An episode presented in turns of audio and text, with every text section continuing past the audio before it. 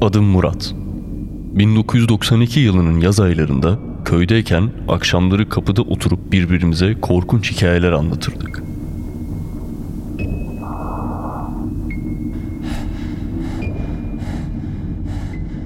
Bir akşam yine bir korkunç hikaye anlattıktan sonra iddiaya tutuştuk.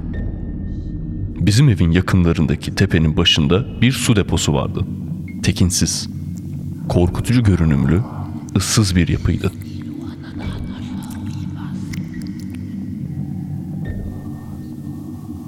Arkadaşlarım cesaretimi kanıtlamam amacıyla oraya çıkmam için ısrar ettiler. Ben de yanımda biri gelirse gideceğimi söyledim.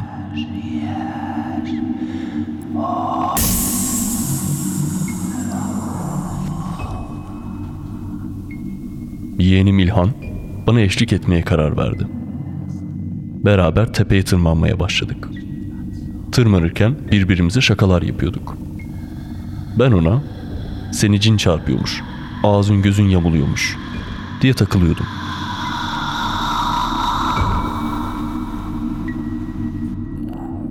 O da abi şimdi seni aşağıdan biri çekiyormuş diye beni korkutmaya çalışıyordu. Böyle şakalaşırken su deposuna vardığımızı fark etmedik bile. Bir anda önünde duruverdik.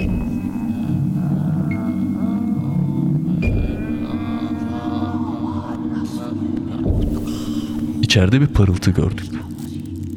İnilti gibi sesler geliyordu.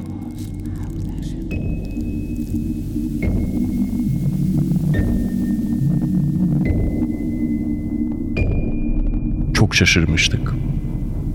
İlk önce başka köyden gelen çobanların oraya sığındığını düşündük.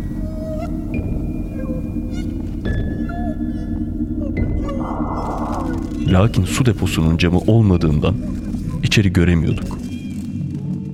Kapı hafif aralıktı. Ama içeriği görmemize izin verecek kadar değil.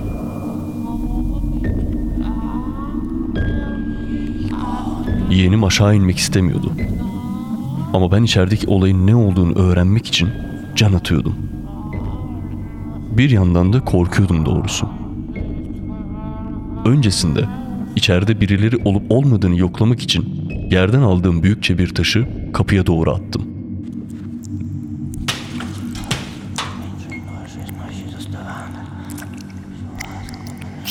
Kapı ardına kadar açıldı.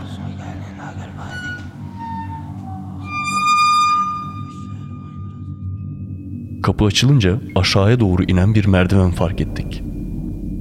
Yeğenim İlhan aşağı inmek istemediğini söyledi.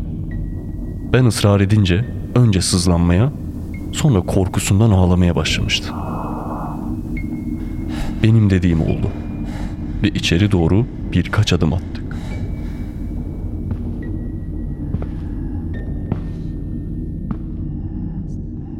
Merdivenlerden aşağı baktığımda orada ışığın daha yoğun olduğunu gördüm. O esnada bana ne olduysa artık sanki ayaklarım kendi kendine merdivenleri inmeye başladı. Yeğenimin de bana uymaktan başka çaresi olmadığı için o da arkamdan inmeye başladı.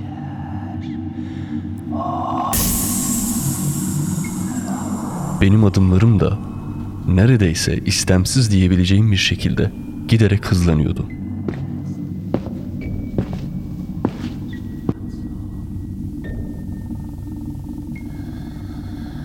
Zemine son birkaç basamak kala aklım başıma geldi.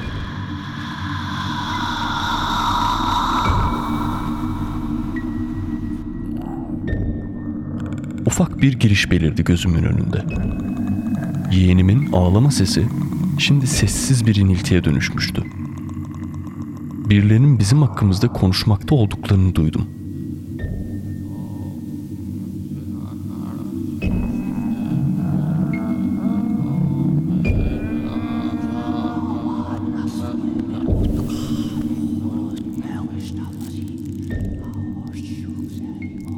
Birileri geliyor diyordu kalın bir ses. Ondan daha ince olan bir ses de ben de duydum diye cevaplıyordu onu.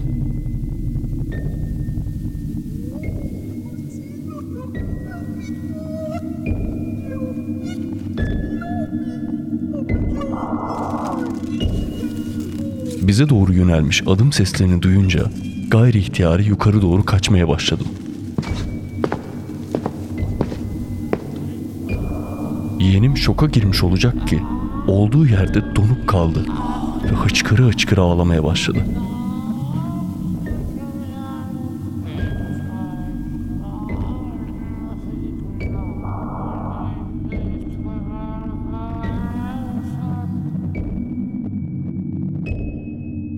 Ona yukarı çıkması için bağırdım.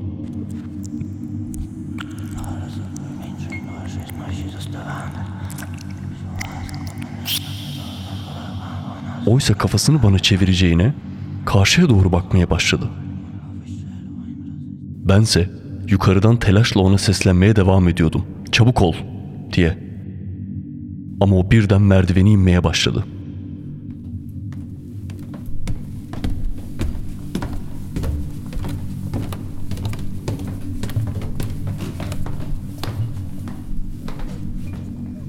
O kadar korkmuştum ki ne yapacağımı bilemedim. Konuşma sesleri giderek daha yüksek sesle duyulmaya başlamıştı. Yeğenimle sohbet ediyorlardı sanki.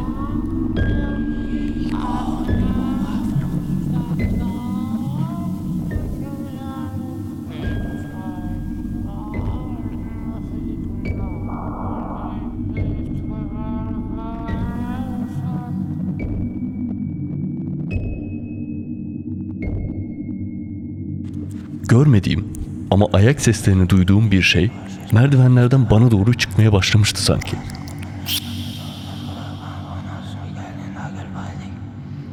Adeta felce uğramış gibi orada kala kaldım.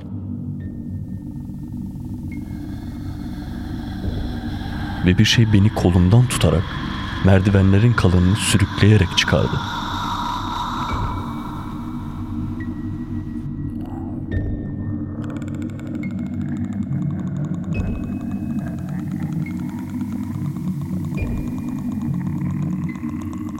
Beni bayırdan aşağı doğru itti.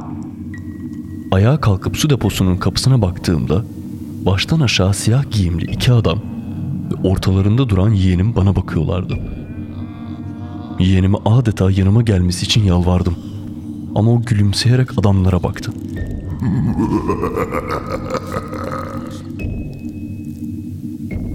Bir anda ayağım kaydı ve tekrar bayır aşağı yuvarlanmaya başladım.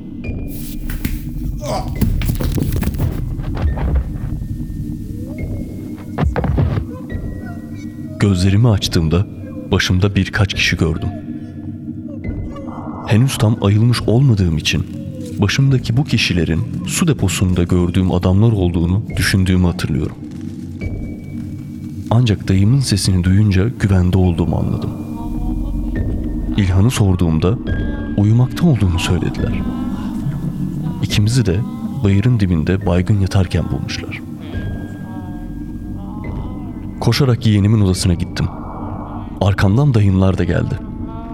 Yeğenime su deposunda olanlar hakkında sorular sordum. Orada niye öyle davrandığı, neden o adamlara gittiği, o adamlarla beraber ne yaptığı ve neden bayırın dibinde benimle beraber baygın halde bulunduğu gibi. Ancak yeğenim bana sanki bu sözünü ettiğim şeyler hiç yaşanmamış gibi bakıyordu. Dayımlar odadan çıkıp yeğenimle yalnız kaldığımızda belki büyüklerin yanında söylemekten çekindiği bir şeyler vardır diye ondan bana doğruyu söylemesini rica ettim.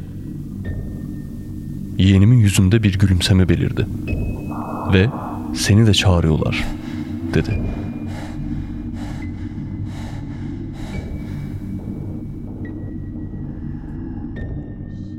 Bakışları nefret doluydu. Daha önce yeğenimin yüzünde gördüğüm o bakışlar içimin ürpermesine neden oldu.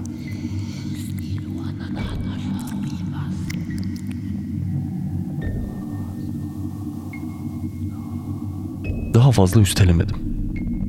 Sonraki günlerde de yeğenim büyüklerin yanında sanki su deposunda yaşananlar hiç olmamış, hiçbir şeyden haberi yokmuş.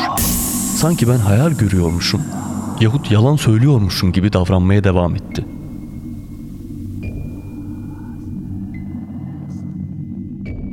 Bir gün yeğenim durup dururken üzerime saldırdı. Çok tuhaf ve nefret doluydu.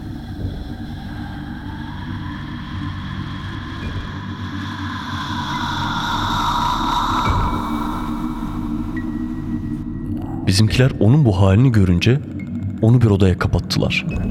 Ve köyün hocasını çağırdılar hemen. Hoca bizi okuyup üfledi. Yeğenim bir hafta deliksiz uyudu ve uyandığında hiçbir şey hatırlamıyordu. Bense yıllardır köyümüze ayak bile basmıyorum.